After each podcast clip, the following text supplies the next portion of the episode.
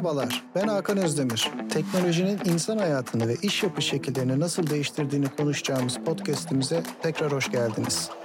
Bu bölümde Kartal Belediye Başkanı Sayın Gökhan Yüksel ile birlikteyiz. Hoş geldiniz Gökhan Bey, nasılsınız? Hoş bulduk, teşekkür ediyorum Hakan Bey. Gayet iyiyim.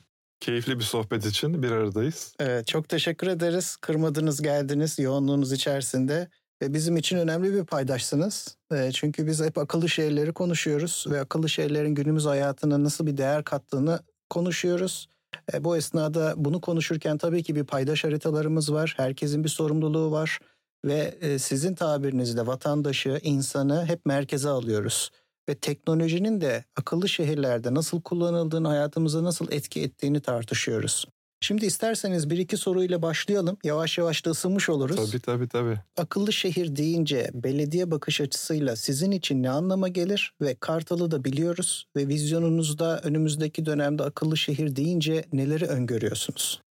Evet akıllı şehir ifadesini e, belki günümüzde çok duymaya başladık. Bundan önce de konuşulan bir şeydi fakat teknolojinin ilerlemesiyle herkesin böyle dilinde bir akıllı şehir var fakat e, bunun örneklerini ülkemizin içerisinde yakalamak, bunun örneklerini görmek e, çok kolay olmuyor. E, bu anlamda biz bir e, hedef koyduk kendimize. En azından Kartal'da e, yeni yapılaşacak belli bir alan için e, bu neredeyse Kartal'ın 8'de birlik bir e, alanına tekabül ediyor. E, bu yeni dönüşüm modelinde e, akıllı şehrin örneklerini sergilemek istiyoruz. Ama bu demek değildir ki bundan önce akıllı şehirlerle alakalı adım atmadık. Elbette e, özellikle Kartal'da yapılan, son dönemlerde yapılan yeni e, ada bazında yani metrekare bazında büyük dönüşümlerde, yeni projelerde e, girişimciler, yatırımcılar e, işte yağmur suyundan e, bunu e, kullanılabilir hale getirme, atık suda kullanabilmekle alakalı, güneş enerjisini, güneş panellerini kullanmakla alakalı ya da enerji verimliliği ile alakalı enerji kontrol panellerinin e, uygulanabilmesi gibi yeni kavramlarla aslında yeni yapılaşmalara e, gösterdiler. Fakat akıllı şehir, akıllı kent kavramı çok iddialı bir kavram. Dolayısıyla bu bahsettiğim birkaç tane özelliğin dışında altyapısıyla, e, belki binanın e, günümüz koşullarında işte A sınıfı enerji kimlik belgesi elde edebilmesiyle, Nedir bu enerji kimlik belgesi? Biraz da basitleştirmek gerekirse e, soğukta, işte kışta, karda, yağmurda e, işte o bina ya çok soğuk geçmemeli işte yazın sıcağında da o evin içi çok ısınmamalı. Aynı zamanda vatandaşlar ciddi bir işte elektrik enerji maliyetleriyle karşı karşıya daha az e, enerji, daha az elektrik faturası nasıl öder gibi sorunları çözebilen, sürdürülebilirlik kavramları belki e, önemseyen bir kavramla A sınıf enerji kimlik belgeli e, yapıları da kazandırmayı düşünüyoruz akıllı kentin içerisinde. Bu sadece belki küçük bir adıma. Daha büyük bir adım olarak onun işte güneş enerjisi e, marifetiyle, solar panellerle ve yeni teknolojilerle o binanın ihtiyacı olan enerjisini aslında kendisinin üretmesini e, hedefliyoruz. E, bunu hayal ediyoruz. Akıllı kentten beklediğimiz ilk böyle çok önemli sürdürülebilirlik açısından da e, yarının daha temiz dünyası için ilk beklentimiz bu. E, bununla birlikte elbette ki e, bugün enerji ihtiyacı çok fazla. E, teknoloji çok fazla gelişiyor. Yarın daha çok ihtiyaç olacak. E, bunu öngörüp basit koşullarda bir bina kendi enerjisini ya tamamını ya da bir miktarını karşılamış olsun. Bu akıllı kentin içerisinde yine en çok böyle üzüldüğümüz ya da hayal ettiğimiz konulardan bir tanesi sadece Kartal adına konuşmuyorum. Ülkemizin birçok noktasında. Bir sıfır atık politikasını nasıl e, hayata geçirebiliriz? Nasıl iyileştirebiliriz? Tabii ki temelinde eğitim yatıyor. Evet. Tabii ki öğrenme var bunun temelinde. Fakat teknoloji de var. Dolayısıyla işte o ayrıştırmalardan tutun, bunun toplanma modellerinden tutun, devreye girecek sensörlerden tutun, e, bir şekilde uygulamalardan tutun, e, aklınıza gelen birçok teknolojik detayla beraber o yeni yerleşim merkezlerinde sıfır atığı uygulayabilecek altyapıların hayata geçmesi. Evet. Sadece o atığı toplamak yetmiyor. Belki öyle bir sistem yapacaksın ki o, o atık kendi kendine toplanabilecek. Ne demek bu? Yerleri belli olacak. Onu işte bir binanın belli bir bölümüne koyduğun zaman ya da gönderdiğin zaman onun binanın yapımında böyle bölgede hayal edilerek e, belki de onların toplanmasına vesile olan bir altyapı hazırlanmış olacak. Evet. Tabii bunları hayal ederken e, sadece bir binayla e, bu hayaller gerçekleşmeyecektir. Kamusal alanlarda da yaratmak hedefi koyduğumuz ya da hayal ettiğimiz kamusal alanın içerisinde de belediyemizin ihtiyacı olan enerjiyi üretmek açısından belki sokakta, caddede bunlar planlanıyor şu anda. Ee, güneş panelleriyle biraz elektrik almak, e, akabinde diğer teknoloji adımlarını takip edip enerji verimliliği alakalı kontrol panelleri ya da enerjinin üretilmesiyle alakalı LED aydınlatmadan tutun az kullanmaktan belki ülkemizde örneklerini göremediğimiz ama yakın zamanda e, hayal edebileceğimiz diğer örnekleri de katarak e, akıllı kent hayallerimize koşmak istiyoruz. Evet. Bu çok uzak değil. Çok güzel. Yani çok farklı bilgiler verdiniz. Atık yönetiminden enerji verimliliğine kadar. Benim merak ettiğim başka bir şey daha var. Şimdi ben sizi tanıyorum. Siz e, İstanbul'daki şu ana kadar seçilmiş en genç başkansınız. Bir yandan da gerek İstanbul Büyükşehir Belediyesi'nde finans alanında farklı şapkalarınız da var. Yani bu rolünüzün dışında da ülkeye değer katmak için çok farklı çalışmalarınız olduğunu da biliyoruz. Şimdi bu açıdan değerlendirirseniz e, biliyoruz ki genç bir başkan olmak da çok önemli ülkemiz için. Çünkü e, bizlerin motivasyonu, enerjisi, ülkeye katmak istediği değerler çok daha farklı olabiliyor bazen. Yeni teknolojiler anlamında da daha fazla şeyler yapma arzusu anlamında da. Bu açıdan bir belediye başkanının nasıl bir zorluğu vardır? Çünkü ben Kartal'a bakıyorum. Kartal nüfusu çok yüksek ilçelerden bir tanesi. İstanbul'un önde gelen önemli ilçelerinden bir tanesi kentsel dönüşüm planının olduğu ilçelerden bir tanesi.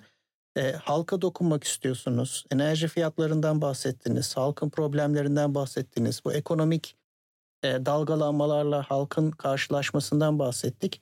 Belediye başkanı dediğimiz zaman nasıl bir zorluğunuz var ve nasıl bir master plan deriz ya uzun dönemli yol haritası kendinize inşa ediyorsunuz? Evet çok kapsamlı bir soru oldu. Evet. ee, teşekkür ediyorum. Tabii ki keyifli bu sohbetlerin e, büyümesi lazım. Yani çözüm yollarını konuşmak veya e, işte bizi dinleyenlere bu konularla alakalı mücadelemizi de aktarmak gerekiyor. E, bir kere belediye başkanının görevi e, hizmet üretmek, o kentte yaşadığı insanların sorunlarını en aza indirmekle alakalı projeler geliştirmek, adımlar atmak ya da organize etmek. Bu anlamda ilk önce e, vatandaşınızı, komşunuzu, arkadaşınızı, o kentte yaşıyorsunuz zaten. E, ilk önce bir duymak gerekiyor. Bu sorunları duyabilirseniz, e, bu ihtiyaçları duyabilirseniz, bu beklentileri duyabilirseniz projeler üretebilirsiniz. Bir belediye başkanının aslında en çok zorlandığı işlerden bir tanesi bu sorunları görebilme, duyabilmekle alakalı kanalların açık olması. Böyle bir açık veri sisteminin olması gerekiyor. Tabii ki açık veriye ulaşmak ben en yüksekten başladım ama açık veriye ulaşma noktasındaki adımlarımızı atmaya başladık. Nedir bu? Bütün sosyal mecraları kullanma, klasik mail SMS yöntemini de kullanma, ee, kısacası dijital mecralarla işte vatandaş beklentileri, sorunları iletme yöntemleri bunları harmanladığımız zaman tabii vatandaşımız, komşularımız, kendi annem babam da dahil olmak üzere yani hiç topu sağa sola atmayalım. Telefon alışkanlığımız her alışkanlığımızdan daha yüksek. Klasik alışkanlığımız. Dolayısıyla teme, dilek ve tele, temennisini de iletse, şikayetini de iletse tabii ki sosyal mecralar, tabii ki dijitalleşme bir telefon gerçeği var. O yüzden çok güçlü bir çağrı merkezi kurduk ve bunu dijitalleştirdik. Yani dijital e, alanlarla çağrı merkezini entegre edip yazılımlarını, altyapısını güçlendirip vatandaşlarımızı duyma kabiliyetimizi güçlendirdik. E, elbette e, Instagram mesajı da alıyoruz. Elbette değişik işte Facebook, Twitter ya da burada ismini sayamayacağım kadar birçok mecradan SMS de, ileti de, şikayet de, bilgi de alıyoruz. Fakat e, bir de kamu gerçeği var. Aldığınız talebin, şikayetin ya da yapılmasını istediğiniz işin bir kaydı olması gerekiyor.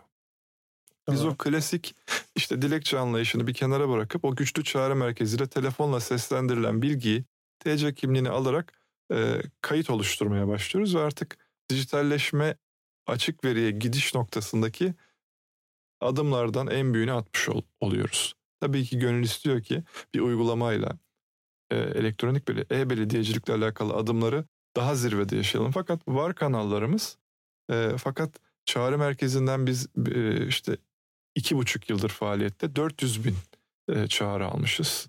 belki 500 bine yaklaşıyor. Ama dijital mecralardan bu daha az. Ee, dolayısıyla duyma kısmıyla alakalı adımlarımızı attık. Ne duyuyoruz? Bir bakıyoruz ki vatandaşımızın beklentisi aslında e, bazen en temelde başlıyor. İşte az evvel bahsettim, bir hayalden bahsettim. E, hayal noktasında adımlar atacağız bu gerçekleşecek, ulaşılamayacak bir şey değil. E, evet kendi enerjisini üreten binaların gerçekliği. Evet kamusal alanlarda belediyelerin de e, enerji üretmesi, elektrik üretmesi, e, su biriktirmesi gibi birçok kavrama doğru gideceğiz. Bu adımları gerçekleştireceğiz. Fakat bir de gerçekler var ki o gerçeklerin içerisinde e, gıdaya ihtiyacı olan insandan tutun, ben daha güzel bir sokak görmek istiyorum diyen insandan tutun, ben e, daha ışıl ışıl park istiyorum, daha temiz, temiz park istiyorum diyen temelinde basit istekleri olan, temiz ve basit evet. istekleri olan insanların beklentilerini karşılamaya çalışıyorsunuz. Bunlarla ilgili ciddi kafa yorarken, bunlarla ilgili e, ciddi adımlar atarken bir maliyetle karşı karşıya kalıyorsunuz. Dolayısıyla belediyelerin en temel problemi ve belediye başkanlarının en e, zorlandıkları işler bunlara kaynak yaratma, gelir kalemini arttırabilmek. Evet. Yaşadığımız en büyük problemlerden biri bu. Çünkü belediyecilik sistemi e, bir 10 yıl geriye doğru gittiğimiz zaman baktığınızda tanımlı işlerle karşı karşıyaydınız. Ama bugün artık beklentinin sınırı yok, beklentinin tanımı yok. Her şey sizden bekleniyor. Yani işte pandemiyle karşılaştığınızda da e, sizden hizmet bekleniyor. Pandemi olmasın, pandemi olmadan önce de çok ciddi her konunun muhatabı o yerelde olduğunuz için siz oluyorsunuz ve bundan kaçamazsınız. Kaçmamalıyız da, kaçmıyoruz evet. da. Fakat bu e, katlandığınız, sırtladığınız maliyetleri arttırıyor. O yüzden bir planlama yapmanız gerekiyor. Bu planlama sürecinde de maliyetli olan teknoloji kısmında çok radikal adımlar atamıyorsunuz. Bunu üzülerek ifade ediyorum. E, umarım yakın e, planda ve bunları kanunlaştıracağız. Belediyelerin gelirleri artacak. O gelirler denetlenecek. Daha sık denetlenmeli hiç problem yok. Ama bunlar artmalı ki ben e, ülke projesi yapabileyim. Nedir bu? Bugün günümüzün en büyük problemi enerji e, maliyetleri, enerjinin maliyeti diyelim daha doğru ifadeyle. İşte dertliyiz elektrik faturasından, evet. dertliyiz enerjinin diğer kollarından. Dolayısıyla bunu üretmek gerekiyor. Klasik. Nasıl bugün e, belki sebze meyveye de ihtiyacımız var. Üretirsek sorunu çözebiliyoruz. Elektriğe de ihtiyacımız var. Üretirsek sorunumuzu çözeceğiz. Önümüzdeki en büyük engel ne? Ee, üretim panellerinin maliyeti.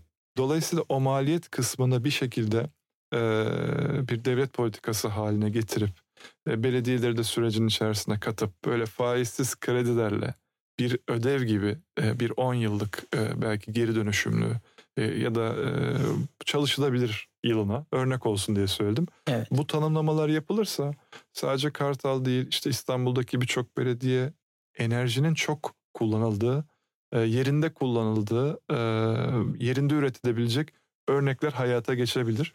Bizim en büyük sıkıntılarımızdan biri dolayısıyla e, kaynaklarımızın sınırlı oluşu. E, dolayısıyla bu sınırlı kaynaklarla temel işlere odaklanıyoruz. Evet. O yüzden biraz e, mikro işler, teknoloji işleri biraz geri planda e, kalıyor. E, bundan da çok mutlu değilim ama e, projelerimiz, hayallerimiz ve odaklandığımız akıllı kent sürecimiz e, devam ediyor, devam edecek. E, tabii bunların temelinde e, eğitim yatıyor demiştim sohbetin içerisinde de. E, çocuklarımız çok kıymetli. Onları e, işte sıfır atık politikasını o yaşta öğretmek kıymetli ama uygulanacak alanı gösteremezsek o duyarlılık sınırlı kalıyor. Müthiş duyarlılar fakat onu uygulayacakları adımlar ve o atıkların toplanabilmesi, toplandıktan sonra bir e, bir gelir elde edilebilmesi, o döngünün sürdürülebilmesi e, kolay olmuyor ama mücadele etmek gerekiyor. Tabii belediye başkanlarının en büyük talihsizliği de sınırlı bir e, elbette bir dönem süreleri var 5 yıllık. Doğru. Büyük projeler hayal ettiklerinde e, ya yatırımcı e, ya buna kredi e, sağlayacak e, diğer girişimci e, biraz çekinerek bakıyor haklı olarak. Her belediye başkanının kendi projesi, kendi fikri, kendi vizyonu bazen makro projelerin doğmasına da engel olabiliyor belki devlet politikası için. Dolayısıyla bu enerji konusu, akıllı kent konusu e, sadece belediye başkanlarının vizyonu kıymetli ama bir de devlet vizyonu da buna hemen e, ayak uydurmalı, örtüşmeli bir devlet politikası haline gelip uygulaması kolaylaştırılmalı. Biraz e, gelirlerimizi gelirlerimizin artırılması noktasında sıkıntı yaşıyoruz. E, çünkü giderler hiç affetmiyor her yıl üzerine en az enflasyon e, ya da dövizin artışıyla beraber bugün yaşadığımız tüm vatandaşlarımızın, komşularımın yaşadığı maliyet artışlarının daha fazlasını biz de hizmet e, satın alırken yaşıyoruz. Bu bizi sıkıştırıyor. E, bu da hizmetlerinizi sınırlıyor. Karşılaştığımız en büyük sorunlardan evet. bir tanesi bu. Yani bir tane sormuştum çok geldi ama olsun. Hepsini öğrendik. Dert yandım bir anda size burada. İyi yaptınız. Şimdi ben şöyle düşünüyorum. Biz daha evvel çekimlerimizde hep şunları da konuştuk. Konularımızdan en önemlisi teknolojinin hayata dokunuşuydu. Şimdi bazen çok büyük kavramlardan bahsediyoruz. İşte diyoruz ki yapay zeka diyoruz. Başlı başına iki önemli kelime bir araya geliyor ve insanlar ya acaba ne demek isteniyor diyor. Aynı zamanda sadece belli sektörlerde değil şehirde bu konu bana nasıl dokunur? Bunu da cevaplamamız çok önemli. Ben hep şunu görüyorum yani teknoloji acaba nasıl hayatımıza giriyor? İşin özüne baktığınız zaman bir ihtiyaçtan doğduğunu gözlemleyebiliyorum. Bir ihtiyacımız var ve bu ihtiyacımıza bir karşılık bir cevap bulmak istiyoruz ve hep teknolojiyi zorluyoruz. Geçenlerde bir film izledim. Filmin içinde çok güzel bir sahne vardı. Bir uçak, uçağın neden bulundu yani. Çünkü bir ihtiyaç vardı. Acaba daha kısa sürede bir yerden bir yere gitmek mi? Acaba gökyüzüne çıkabilme heyecanını hissetmek mi? Ama ondan sonra teknoloji daha da fazla gelişiyor. Şimdi şehirleri düşündüğüm zaman da aklıma hep şu geliyor. Şehirlerde bazı sıkıntılarımız var. Bunlar da sizin de özetlemeye çalıştığınız konular olduğu kadar belki vaktimizin yetmeyeceği birden fazla konu var. Ve en önemli zorluktan bir tanesi de dediğiniz gibi gıdaya ulaşmak isteyen kişiyle e, parkım daha e, beyaz değil sarı renk ışıldasın diyen kişi aynı e, konut sisteminde oturuyor ve Kesin. ikisi de bir şeyler istiyor sizden. Şimdi bir sorun vardı aslında finansmanla ilgili ama çok değindiniz o konuya. Yani finansmanın zor olduğunu biliyoruz. Çünkü biz de sohbetlerimizde hep dedik ki bütün bunları yapmak için bir de önemli bir finansman koşullarını veya modellerinin gelişmesi lazım. Ama aynı zamanda e, şunları da hep bahsettik. Yani yapay zeka, e, nesnelerin interneti, blockchain bu üç tanesi şehirleri önümüzdeki dönem teknolojik anlamda en çok etkileyecek teknolojiler. Peki siz e, yol haritasına baktığınız zaman, e, Kartallı'nın problemlerine baktığınız zaman hangi teknolojiler size en fazla fayda sağlar ve bu tek bu büyük kelimelerin günümüze indirgenmiş halini nasıl gözlemliyorsunuz? Evet, e, az evvel fazla cevap verdim ama sorularınız kapsamlı. E, sorularınız beni e, bunları konuşmaya itiyor. Çok kapsamlı, çok keyifli aslında sorular ama e, tabii ki ben de istiyorum e, beraber e, komşularımla yarım milyonluk bir kentte e, işte blockchain'in adımlarını atayım. Metaverse'de yaptıklarımızı anlatayım. Nasıl hazırlandığımızı konuşayım. E, en azından kendi binamızı aldık. Hizmete hazırız. Dolayısıyla gençler neredeyse ben oradayım bir kere. Evet, Orada anlaşalım. ya bu noktada blockchain ile ilgili e, tabii kendi tecrübelerim var, bireysel tecrübelerim var. Kamu ile beraber atacağımız, gelecekte yakın gelecekte atılacak adımlar var. Bunu görüyorum. Bunu hissediyorum. Bunu Metaverse'te de görüyor ve hissediyorum. E, bu anlamda e, yakın gelecekte Metaverse benim e, sanal kamu hizmet alanım olacak.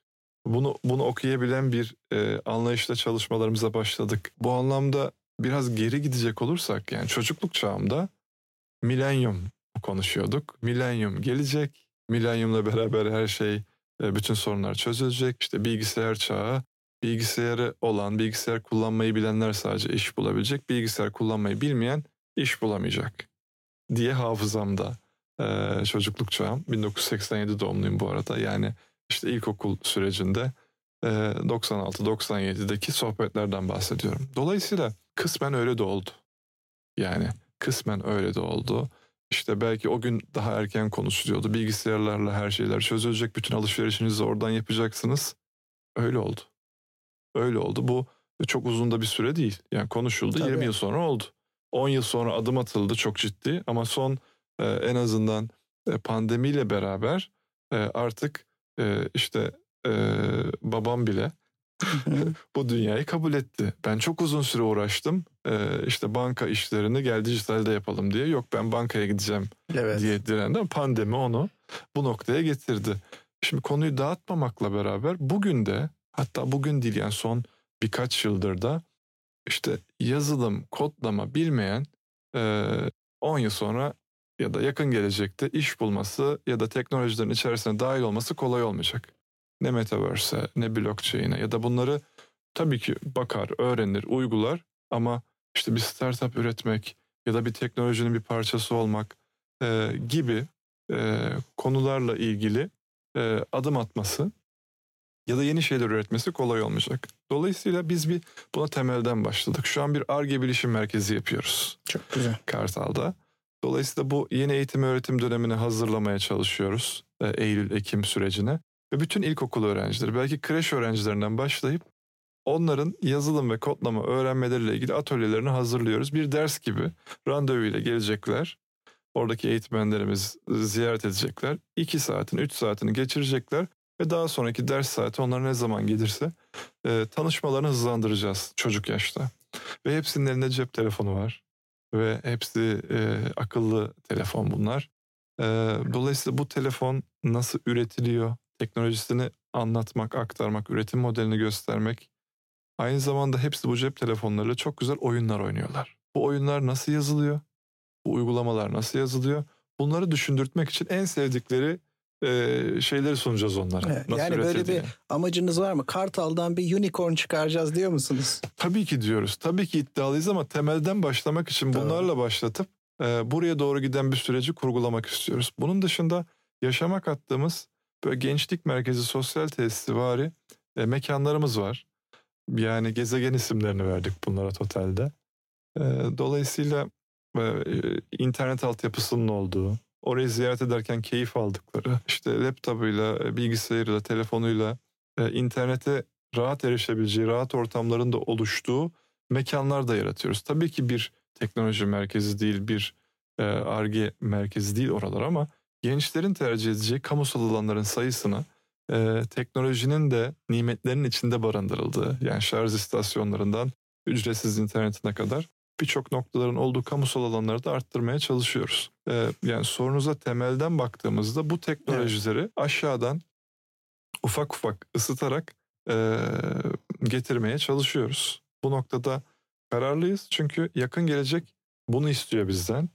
E, beklentiler e, tabii ki sınırsız. Yarım milyon e, Kartallı var, yarım milyon komşumuz var. E, her birinin, her biri çünkü kendisi çok özel, çok kıymetli elindeki teknolojiyle bireysel adımını atıyor size ve ona cevap vermek zorundasınız. Sorununu dinlemek ya da çözmek zorundasınız. Bunların işte kaydedilmesi, verilerin okunması e, ve tekrar ona geri dönmesi, hizmetin onunla buluşması ve bilgi verilmesi kıymetli. E, bilgi çağını yakalamak için de bu teknolojik mekanların ve bu eğitimlerin e, başladığını, hızlı bir şekilde ilerleyeceğini söyleyebilirim. İşte bunun içinde e-spor da var.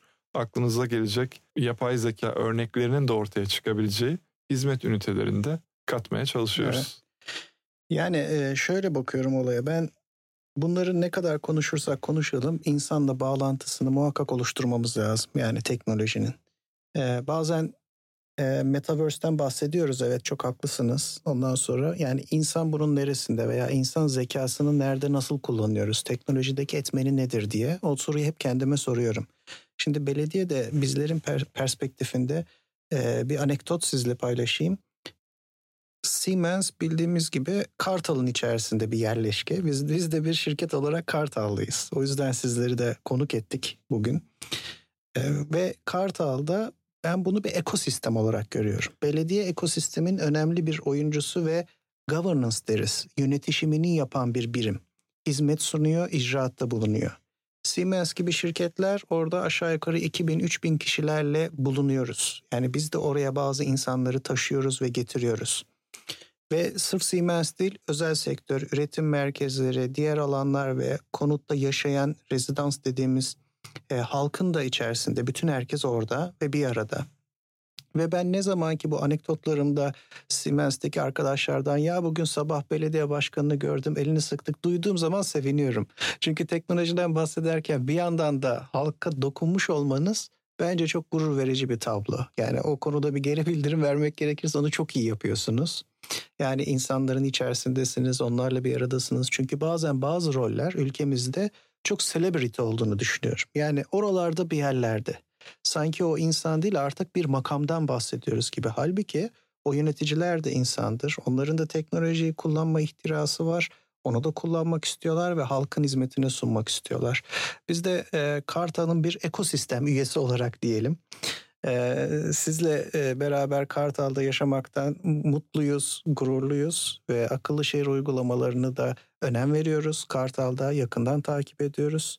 Yayına katıldığınız için çok teşekkür ederiz. Çok değerli bilgiler paylaştınız.